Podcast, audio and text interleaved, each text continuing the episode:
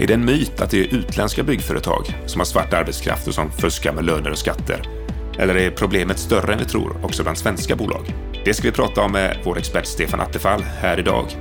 Vi ska också prata om TMFs nya dystra prognos om småhusbyggandet. Vi ska prata om eh, regeringens nya förslag om lättnader i kraven för studentbostäder.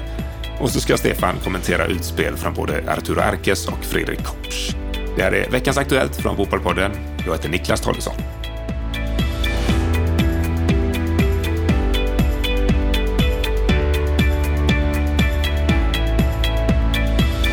Vi börjar med kampen mot arbetslivskriminaliteten. Eh, I veckan skrev föreningen Rättvist byggande, som är en eh, förening där ett antal byggherrar har gått ihop, framförallt allmännyttiga byggherrar, har gått ihop och arbetar för sund konkurrens och mot arbetslivskriminalitet.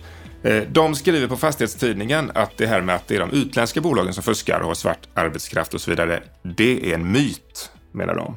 Och det, de menar att det också är en myt att det främst är underentreprenörer långt ner i kontraktsleden som fuskar. De menar på att fusken ligger högre upp också och eh, de skriver att eh, många byggföretag gömmer sig bakom dessa bekväma myter istället för att se om sina egna sätt att bygga hus åt beställarna. Ja, eh, Stefan, du var ordförande i Byggmarknadskommissionen och har jobbat mycket med de här frågorna. Hur, hur ser du på det här inlägget? De uttrycker sig, tycker jag, dramatiskt. De har ju helt rätt i att många gömmer sig bakom att skylla på andra och man tar inte tag i sina egna eh, problem om att eh, också som, eh, som huvudentreprenör eller som byggherre ställa krav. Där har de ju rätt. Men visst är det också ett stort problem bland eh, de utländska företagen. Vi gjorde ju en undersökning på de ska säga, tusen företag som finns registrerade i forna Östeuropa i Sverige och upptäckte ju att minst 80 procent bryter mot olika typer av regler. Eh, sen tycker jag det är viktigt att komma ihåg också att de anger det här med att man inte har kollektivavtal. Ja, det är ju inte ett regelbrott i sig själv. Och du får ju faktiskt till, i svenska modellen sätta vilka löner som helst. Det är parterna som ska kontrollera att lönerna är på en rimlig nivå utifrån avtal som finns och liknande saker. Men bortsett från den renhållning som parterna ansvarar för så finns ju en brott mot en rad olika andra skatteregler, utstationeringsdirektiv, eh, register man ska fylla i etc. etc. Och där konstaterar vi att det finns ett utbrett fusk bland utländska företag. Sen har vi svenska företag som har mycket utländsk arbetskraft som också fuskar. Och sen har vi också självklart de ska säga, rena svenska bolag med, med, med svensk personal som ju självklart också eh, inte alltid är ärliga. Och så ska man komma ihåg att det, när, när, en del av byggbranschen fuskar så måste, känner sig många tvingade att anpassa sig, hänga med i konkurrensen. Så de har rätt eh, kritiken, alla måste göra mer, alla måste se om sitt hus. Men de får inte heller göra till att det blir tvärtom, att inte vi har ett problem med de utländska företagen, för det har vi också. Så att eh, allt hänger ihop och eh, det här är ett problem för hela branschen där jag brukar säga så här att alla måste göra mer alla måste göra mer och eh, något som varit uppe i debatten kring detta det är ju de offentliga upphandlingarna. Eh, både byggföretagen och Sveriges allmännytta menar att LOU, lagen om offentlig upphandling, alltså försvårar i kampen mot brottsligheten, att det blir svårare att stänga ute företag som missköter sig. Och eh, Anders Nordstrand, eh, vd för Sveriges allmännytta, han har ju länge tyckt att allmännyttan borde undantas från LOU. Eh, nu i veckan här så kom regeringen med beskedet att man vill se över den nationella upphandlingsstrategin och man tänker bjuda in till runda bordsamtal om hur upphandlingarna kan förbättras. Eh, vad tror du, det här initiativet från regeringen, är det en följd av missnöjet från byggsektorn? Ja, det verkar vara mera kanske en riksrevisionsrapport som ligger till grund för just det här initiativet, men jag tror att det kan ha varit med i bilden också. Men jag tycker att en del av de här samtalen borde handla just om LOU, offentlig upphandling kopplat till exempel allmännyttan. Där tittar ju också eh, Karolina Skog i sin utredning om en mer social bostadspolitik och pekar just på att det finns en del regelverk kring allmännyttiga upphandlingar som faktiskt är mer än vad EU-direktivet kräver och som eh, skulle kunna underlätta, för de har en poäng i att det krånglar till en del för de offentliga ägda bolagen som, som exempelvis kommunala allmännyttorna. Men samtidigt ska jag också skicka in en liten varningsflagga. Det finns också dokumenterat i historien också en hel del problem med att allmännyttiga bolags tjänstemän kanske inte alltid har varit så ärliga och sett till att en del grejer har gått till dem själva privat och sådana saker. Så att eh, eh, man ska se över det här. Därför är det bra om man tar upp den här aspekten. Hur kan man underlätta? Hur kan man ge allmännyttan chans att kunna både jobba med arbetslivskriminalitet bättre men också förbilliga sina kostnader utan att vi för den skulle hamna i en station där vi öppnar upp en slags eh, ja, risk i alla fall för ett ökat fusk. Det här är ingenting som inträffar dag ett men på sikt så kan regelverk både stävja eh, missbruk men också kanske öppna dörrar för vissa missbruk. Så att eh, bra samtal här frågorna, hitta bra vägar framåt där man försöker hitta en bra modell för allmännyttan. Det skulle kunna vara ett bra samtalsämne i de här runda bordsamtalen. Men du tycker inte som Anders Nordstrand att allmännyttan ska undantas från LOU? Inte helt och hållet, men eh, titta på Karolina Skogs utredning. Hon har benat upp ett antal frågeställningar som jag tycker finns intresse att fördjupa sig i och se om man kan un underlätta regelverket för de allmännyttiga bolagen. För de är en sämre konkurrenssituation gentemot privata. De har mer omständiga processer, längre ledtider och det gör ju också att de också får högre kostnader och, och ja, helt enkelt tar längre tid att komma igång med byggen. Där kan man kanske göra mer. Man måste inte bara ska vi säga, överimplementera EU-direktiv i alla avseenden som vi kanske har en tendens till i Sverige. Eh, det är civilminister Erik Slottner som tänker då bjuda in till det här samtalet. Eh, vilka tycker du att han ska bjuda in ifrån vår sektor? Ja, men alltså låt oss ha ett samtal mellan allmännyttan men också se till att Konkurrensverk och eh, Upphandlingsmyndigheterna tillsammans är med och diskuterar de här sakerna. För jag tror att man måste hitta en balans mellan säga, värna skattebetalarnas pengar, värna ska vi säga, eh, en god moral men också hitta smidiga lösningar. Så eh, vill man gå in i det hela med rätt, rätt utgångspunkter så kan man nog säkert hitta modeller som gör att man balanserar de här sakerna på ett bättre sätt än kanske det är idag.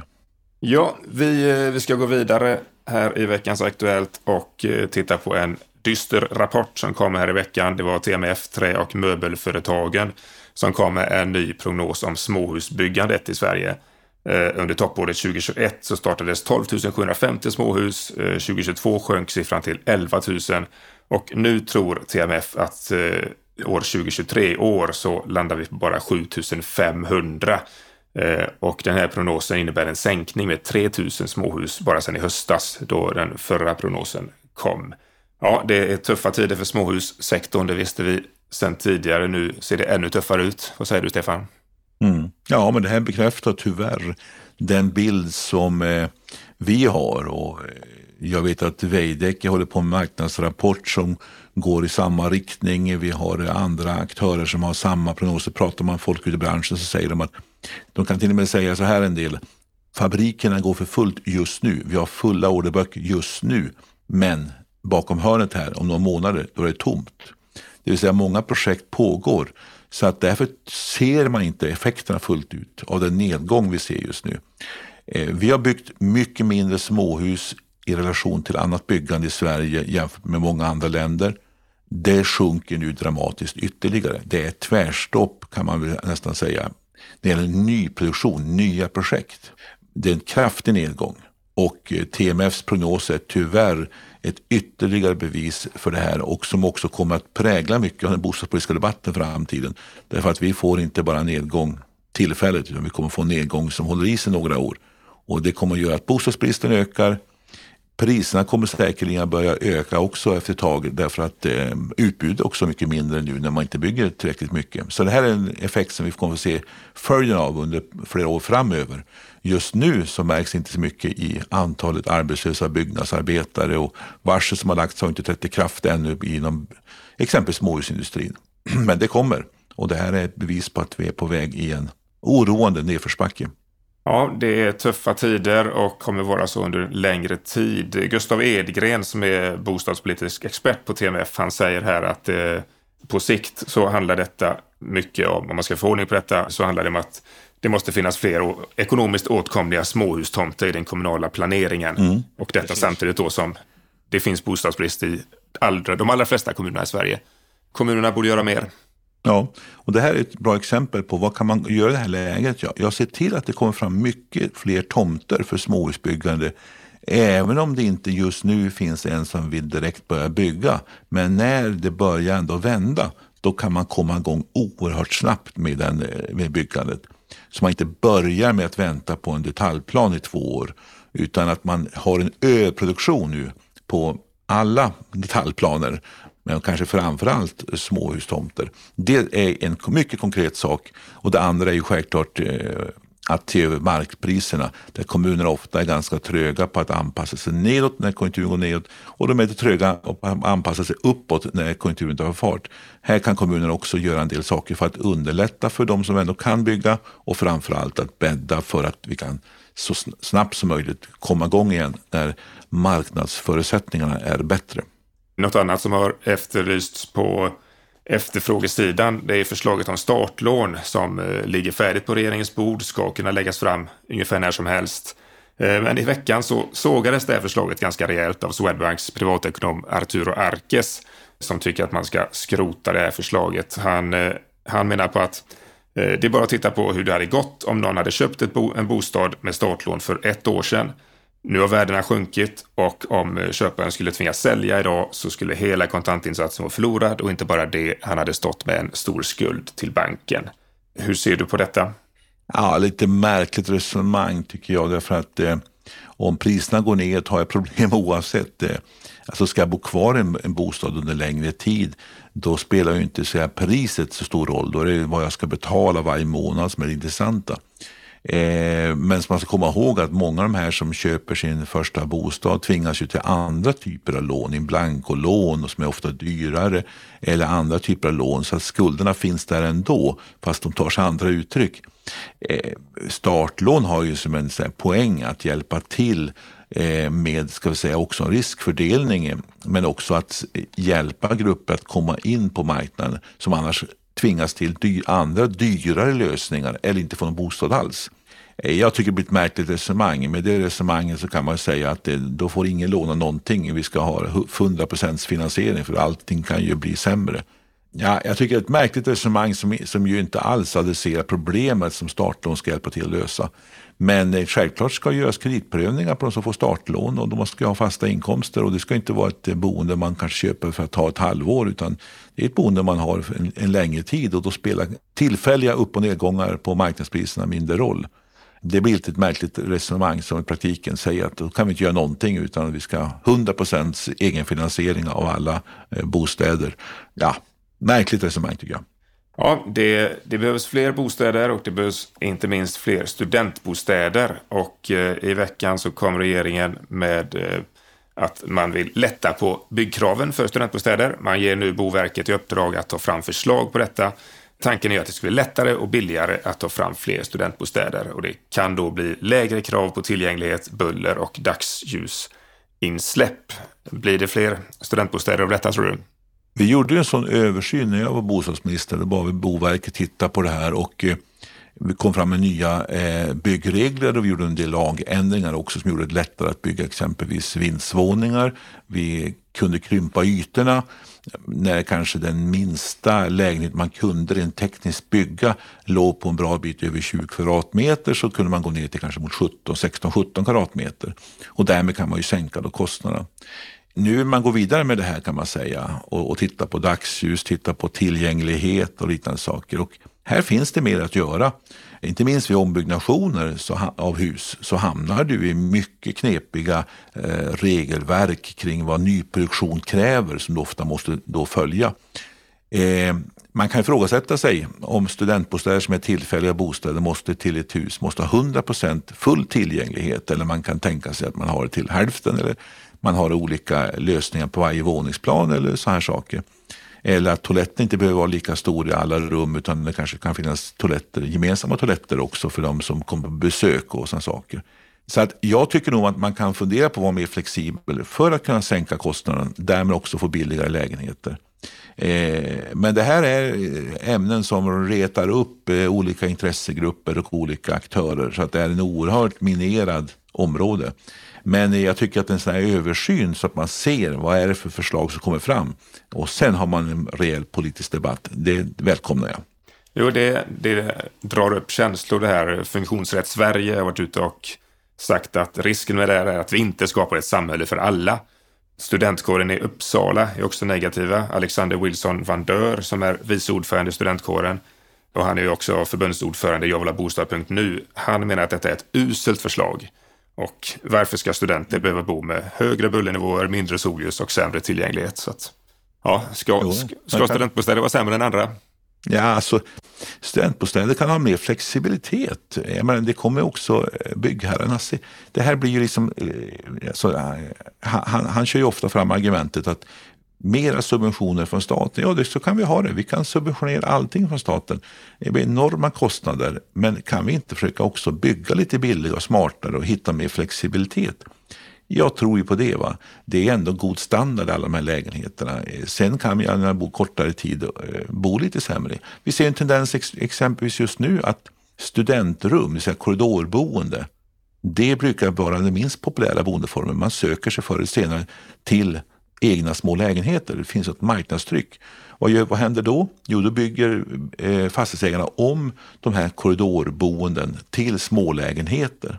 I den ombyggnationen så blir byggreglerna oerhört viktiga. Det är alltid lättare att följa dem i nyproduktion helt och hållet. Eh, kan man då få ner kostnaderna för det, skapa fortsatt relativt billiga smålägenheter, kanske inte uppfylla alla de här kraven. Ja, jag välkomnar sån utveckling därför att då sänker vi kostnaderna för både de boende och för hela samhällsekonomin. Men eh, är man emot alla förändringar då kan man ju bara ropa på staten och tro att staten ska lösa alla problem. Och jag tror att eh, statens eh, kaka är viktig men den är inte oändlig i alla sammanhang. En som verkligen inte är emot alla förändringar det är Fredrik Kopsch som eh, sedan årsskiftet är chefsekonom på Timbro. Och honom ska vi träffa här i Bopolpodden på måndag. Eh, han har precis släppt boken Allt du behöver veta om bostadspolitik och den ska Anna Bellman prata mer om honom, mer med honom om på måndag. Eh, det kommer bli en hel del snack om hyresregleringen som han menar subventionerar de rika. Då, då låter det så här. Och ser man då på liksom vilka lägenheter får de stora subventionerna eller liksom vilka områden får de stora subventionerna. Då är det så att på Östermalm i Stockholm då är den genomsnittliga subventionen varje månad 5 000 kronor. Det är väldigt mycket pengar. Den genomsnittliga inkomsten är, om jag minns rätt nu, 49 000 kronor. Typiskt sett så brukar vi inte gilla sådana system där vi tar från eh, där vi fördelar liksom mer resurser till människor som redan har mycket resurser. Där hänvisade han till ett inlägg som han skrev på Expressen Debatt i veckan och eh, där kommer han med förslaget att avskaffa hyresregleringen med start på Östermalm i Stockholm där han menar att de största subventionerna av de rika finns. Eh, vad säger du Stefan om att eh, införa marknadshyror på Östermalm? Alltså den här debatten är ju eh, teoretisk, alltså man jämför med någon slags eh, tänkt marknadshyra med bostadsrättspriser utifrån någon slags fiktiv räknemodell. Och ja, vi vet ju alla att eh, skulle du göra så att du avskaffar exempelvis och har fria marknadshyror, vad nu det innebär, innebär det att det är fritt helt och hållet eller innebär det att man har vissa eftersläpningseffekter? Så, ja, då kommer du få förändring både på bostadsrättspriserna och hyresrättspriserna. Så att det där med vad är en marknadshyra, det där är en eh, diskussion som man kan föra i evighet. Jag tror personligen på att en smidigare modell är att man jobbar mycket mer med systematisk hyressättning och i förhandlingar försöker hitta en bättre balans mellan, mellan vad som är ska säga, vad efterfrågan säger och vad som är en rimlig hyra. Men jag tycker han har rätt i också, problemet med dagens system är att det blir kö till de här hyreslägenheterna. Det är inte de med sämst ekonomi som får tillgång till de här hyrorna som är ju lägre än, än vad kanske marknaden vill ha. Utan det är de som står längst fram i köerna. Där har han ju en poäng. Och vill han testa detta på Östermalm och får politisk majoritet för det i Stockholms stad så välkommen. Men eh, jag tror att eh, det kommer vara svårt också politiskt att driva sådana här frågor därför att de väljarna kommer också reagera. Så att det här är mycket teori eh, och så. Va? Det är inte en praktisk politiker, vår vän Fredrik Kopsch, utan han är en teoretiker. Men han är som sagt var en kul debattör som väcker mycket diskussion och mycket känslor. Och eh, sådana behöver vi också. Sådana behöver vi också och på måndag släpper vi alltså podden med Fredrik Kopsch. Missa inte den. Eh, gå gärna in på bostadspolitik.se, läs det senaste som har hänt och teckna dig för vårt kostnadsfria nyhetsbrev som kommer ut på tisdagar och fredagar. Ha nu en riktigt fin helg så hörs vi på måndag. Tack så mycket!